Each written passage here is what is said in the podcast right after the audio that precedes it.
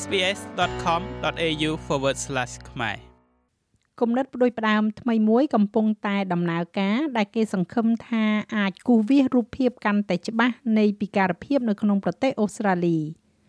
ក្រុមអ្នកតស៊ូមតិនិយាយថាភ្នាក់ងាររដ្ឋាភិបាលមិនប្រកាសថាមានរូបភាពពេញលេញនៃអ្វីដែលជនពិការអូស្ត្រាលីត្រូវការឬក៏ចង់បាននោះទេ ពីព្រោះថានាយកដ្ឋានផ្សេងផ្សេងគ្នាមានព័ត៌មានខុសៗគ្នា តួលេខមិនតែងតែជាទីចាប់អារម្មណ៍សម្រាប់មនុស្សសាមញ្ញនោះទេប៉ុន្តែសម្រាប់មនុស្សនៅក្នុងសហគមន៍ពិការភាពតួលេខធ្វើឲ្យពិភពលោករំកិលទៅមុខបានថ្មីថ្មីនេះអ្នកនាង Christine O'Connell បាននិយាយទៅកាន់ SBS ស្ដីអំពីគម្រោងធានារ៉ាប់រងពិការភាពជាតិយ៉ាងដូចនេះថា I'd been hearing from other autistic people that they ខ្ញុំបានឮពីមនុស្សដែលមានជំងឺ autism ផ្សេងទៀតថាពួកគេបានកាត់បន្ថយផែនការរបស់ពួកគេយ៉ាងសម្បើមនៅពេលដែលពួកគេត្រូវបានគេពិនិត្យសាររើឡើងវិញបន្ទាប់មកខ្ញុំមានអារម្មណ៍ព្រួយបារម្ភយ៉ាងខ្លាំងចំពោះការពិនិត្យសាររើឡើងវិញរបស់ខ្ញុំ ប្រកាសណាស់ខ្ញុំបានទទួលសម្បត្តិមួយនៅពាក់កណ្ដាលខែមករាដែលប្រាប់ខ្ញុំថាខ្ញុំនឹងបាត់បង់ការគ្រប់គ្រង75%របស់ខ្ញុំជាមួយនឹងអ្នកជំនាញចិត្តសាស្ត្ររបស់ខ្ញុំដែលជាការគ្រប់គ្រងដ៏សំខាន់បំផុតរបស់ខ្ញុំប៉ុន្តែ Christine និយាយថានាងគឺជាមនុស្សម្នាក់នៅក្នុងចំណោមមនុស្សដែលសំណាងព្រោះថានាងបានតវ៉ាករណីកាត់បន្ថយជំនួយរបស់នាងនេះរហូតដល់សាលាឧទ្ធររដ្ឋបាល AAT after I went to the AAT the NDIA then came forward បន្ទាប់ពីខ្ញុំបានទៅ AAT ក្រោយមក NDIA បានចេញមុខមកជាមួយនឹងការផ្ដល់ជូនមួយហើយព្យាយាមចរចាជាមួយខ្ញុំ អំពីអ្វីដែលពួកគេនឹងផ្ដល់មូលនិធិហើយបានផ្ដល់ជំរើសមួយផ្សេងទៀតដោយការមានអ្នកសម្របសម្រួលការគ្រប់គ្រងជំនួសឲ្យពេទ្យចិត្តសាស្ត្ររបស់ខ្ញុំ វាមិនដូចគ្នាទេហើយវាពិតជាប្រថុយប្រឋានសម្រាប់ខ្ញុំដោយសារតែតម្រូវការសុខភាពផ្លូវចិត្តដ៏ស្មុគស្មាញរបស់ខ្ញុំដែលធ្វើឲ្យវាកាន់តែប្រថុយប្រឋានសម្រាប់ខ្ញុំនៅក្នុងការគ្រប់គ្រងជំងឺ autism របស់ខ្ញុំ ជាមួយនឹងអ្នកដែលមិនមានលក្ខណៈសម្បត្តិគ្រប់គ្រាន់បទពិសោធន៍ទាំងនេះមិនមែនជារឿងថ្មីនោះទេរដ្ឋមន្ត្រីទទួលបន្ទុកខាង NDIS លោក Bill Shorten បាននិយាយកាលពីមុនថាលោកដឹងពីការលំបាករបស់មនុស្សមួយចំនួន នៅក្នុងការតស៊ូដើម្បីទទួលបាននូវការគ្រប់គ្រងដែលពួកគេត្រូវការហើយលោកជឿថាកម្មវិធីទាំងមូលត្រូវការការចាប់ផ្ដើមឡើងវិញ We do need to get it back on track. យើងត្រូវតែធ្វើឲ្យវាដំណើរការឡើងវិញ វាមិនមែនជាបញ្ហាហិរញ្ញវត្ថុទេ វាគឺជាស្នូលក្នុងការកែលម្អលទ្ធផល និងធ្វើឲ្យជីវិតកាន់តែប្រសើរឡើងវគ្គកែតម្រូវនឹងមិនងាយស្រួលនោះទេ វានឹងត្រូវការពេលវេលា និងតម្រូវឲ្យមានការខិតខំប្រឹងប្រែងដោយដែលប្រជាជនអូស្ត្រាលីបានបង្ហាញនៅក្នុងអំឡុងពេលយុទ្ធនាការបង្កើត NDIS ជាលើកដំបូង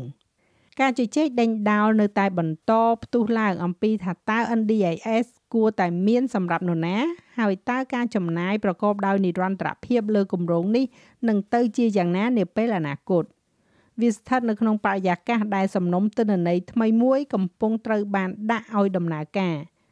លោកវិជ្ជបណ្ឌិត Ben Gunlet គឺជាស្នងការខាងផ្នែកការរើសអើងជនពិការរបស់ប្រទេសអូស្ត្រាលី ហើយលោកបាននិយាយនៅក្នុងសិក្ខាសាលាតាមអនឡាញមួយ ស្ដីអំពីអ្វីដែលត្រូវបានគេស្គាល់ថាជា National Disability Dataset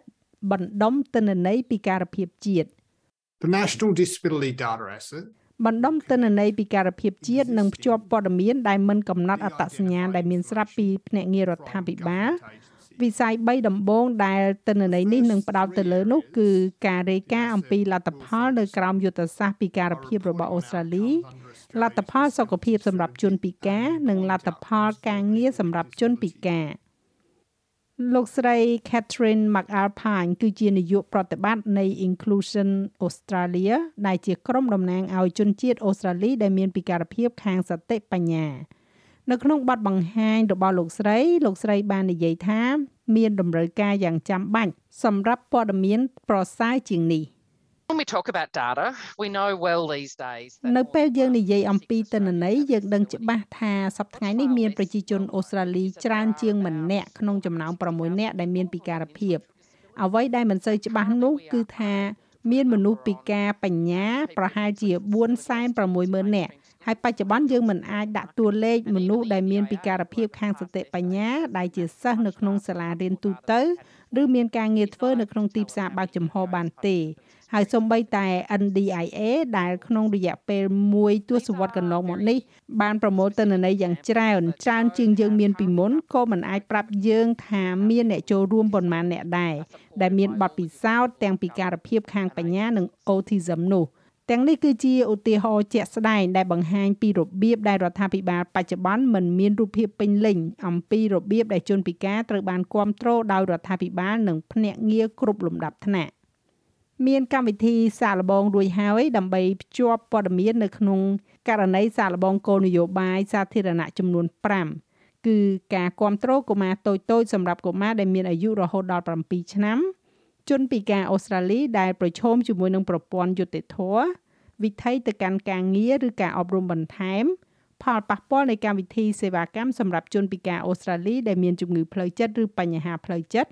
និងការចូលទៅកាន់លំនៅឋានប៉ុន្តែលោកស្រី Catherine McAlpine មានប្រសាសន៍ថាយើងដឹងរួចហើយថាមានចន្លោះប្រហោងសម្រាប់ការកែលម្អបន្ថែមទៀតនៅក្នុងវិធីសាស្ត្រទាំងមូលរបស់យើង។ Over the last few years at the Disability Royal Commission on the Violence ក្នុងរយៈពេលប្រមាណឆ្នាំចុងក្រោយនៃរាជគណៈកម្មការជនពិការស្ដីអំពីអំពើហិង្សាលើការរំលោភបំពាន ការធ្វេសប្រហែសនិងការកេងប្រវ័ញ្ចមកលើជនពិការយើងបានឮរឿងដ៏គួរឲ្យភ័យខ្លាចអំពីអំពើហិង្សានិងការរំលោភបំពានដែលកើតឡើងនៅក្នុងកន្លែងដាច់ដោយឡែកដែលគេមើលមិនឃើញក៏ដូចជានៅទីសាធារណៈផងដែរ ក៏ដូចជាអំពីការស្លាប់ដែលអាចបង្កបាន ការដាក់ទោសទណ្ឌនៃពិការភាពខាងបញ្ញា និងភាពចម្រុះនៃសរសៃប្រសាទជាពិសេសសម្រាប់យុវជន ជនជាតិដើមដំបូង First Nation ហើយយើងសង្ឃឹមយ៉ាងមុតមមថាបណ្ដុំទិន្នន័យពិការភាពនឹងមានប្រយោជន៍នៅក្នុងការដោះស្រាយការរកឃើញ និងអនុសាសន៍របស់រាជគណៈកម្មការជាថ្មីម្ដងទៀតដោយបង្កើតតម្រូវការដែលមើលមិនឃើញឲ្យអាចមើលឃើញ តាមរយៈទិន្នន័យដែលអាចទុកចិត្តបាន Dr. Scott Avery គឺជាសាស្ត្រាចារ្យជនជាតិដើមភាគតិចមកពីសាកលវិទ្យាល័យ Western Sydney ដែលជាមនុស្សថ្លង់ម្នាក់ផងដែរលោកបានប្រាប់សិក្ខាសាលាតាមអនឡាញនេះអំពីរបៀបដែលការរើសអើងអាចជួបប្រទះនៅក្នុងសហគមន៍ជនជាតិដើមភាគតិច។ There's an Aboriginal man um who I've spoken with and មានបរិសុជនជាតិដើម Aboriginal ម្នាក់ដែលខ្ញុំបាននិយាយជាមួយហើយគាត់មានពិការភាពខាងសតិបញ្ញាហើយគាត់និយាយថាពេលដែលគាត់ទៅទិញអីវ៉ាន់គាត់ត្រូវសន្តិសុខប្រឈមមុខជាមួយនឹងគាត់គាត់និយាយថាគេគិតថាគាត់បានផឹកគាត់ស្រវឹង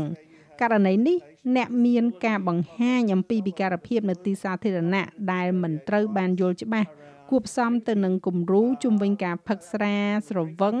ជនជាតិដើមនឹងការផឹកស្រាដែលបង្កើននូវបទពិសោធន៍ដាច់ដライពីសង្គមសម្រាប់រឿងនោះនោះហើយជាសហគមន៍របស់យើងហើយមនុស្សផ្សេងទៀតអាចជួបប្រទះនឹងការរើសអើងនៅក្នុងទម្រង់ផ្សេងផ្សេងទៀត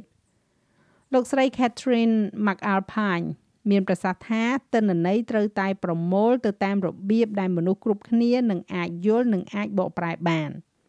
What we really see is that without អ្វីដែលយើងឃើញយ៉ាងពិតប្រាកដនោះគឺថាដោយគ្មាននិយមន័យកំណត់ស្របគ្នា យើងពិតជាមិនអាចរកឃើញរបស់ទាំងនេះបានទេ យើងបានរកឃើញក្នុងអំឡុងពេលរោគរាតត្បាតជាឧទាហរណ៍ម្ដងនោះយើងបានទៅនាយកដ្ឋានសុខាភិបាល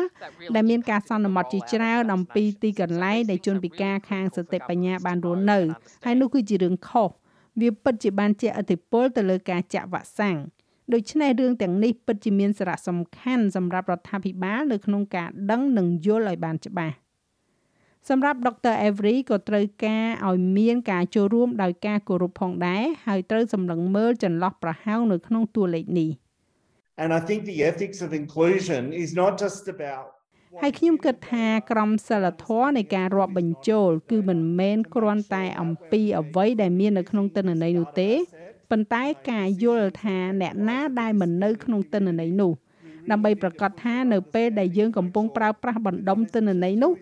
ដើម្បីធ្វើការសម្រេចចិត្តដែលប៉ះពាល់ដល់ជីវិតរបស់សហគមន៍ជនពិការយើងពិតជាត្រូវការការជំរុញការយល់ដឹងរបស់យើង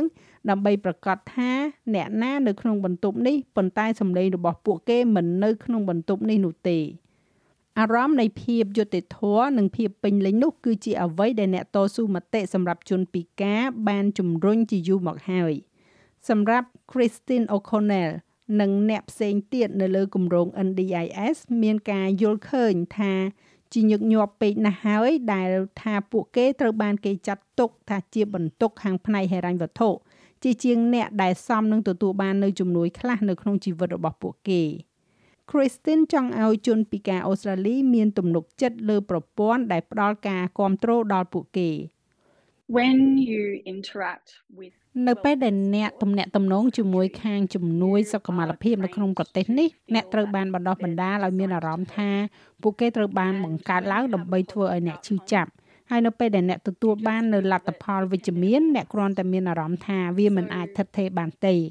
ដូច្នេះខ្ញុំនឹងមិនមានអារម្មណ៍ជឿជាក់ឡើយថាអនាគតរបស់ខ្ញុំនឹងប្រសើរឡើងឬសូម្បីតែមានអារម្មណ៍ថាមានស្ថិរភាពដូចដែលមានដូចជាជីវិតរបស់ខ្ញុំឥឡូវនេះ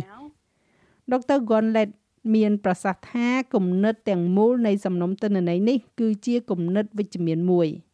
The benefit of the National Disability Data អត្ថប្រយោជន៍នៃសំណុំទិន្នន័យនៃពិការភាពជាតិនេះ គឺគេអាចសង្ឃឹមថានឹងធ្វើឲ្យប្រកាសថាគោលនយោបាយនេះត្រូវបានរចនាឡើង ដើម្បីឲ្យប្រកាសថាគ្មាននរណាម្នាក់ត្រូវបានគេទុកចោលវាប្រសើរជាង វាមានប្រសិទ្ធភាពជាង ហើយលទ្ធផលនៃគោលនយោបាយទាំងនោះត្រូវបានវាតម្លៃយ៉ាងត្រឹមត្រូវចាស់ហើយរបាយការណ៍នេះចងក្រងឡើងដោយ Debra Groke សម្រាប់ SBS News និងប្រែសម្រួលសម្រាប់ការផ្សាយរបស់ SBS ខ្មែរដោយនាងខ្ញុំហៃសុផារ៉ានីចូលចិត្តអ្វីដែលអ្នកស្ដាប់នេះទេ Subscribe SBS ខ្មែរនៅលើ Podcast Player ដែលលោកអ្នកចូលចិត្ត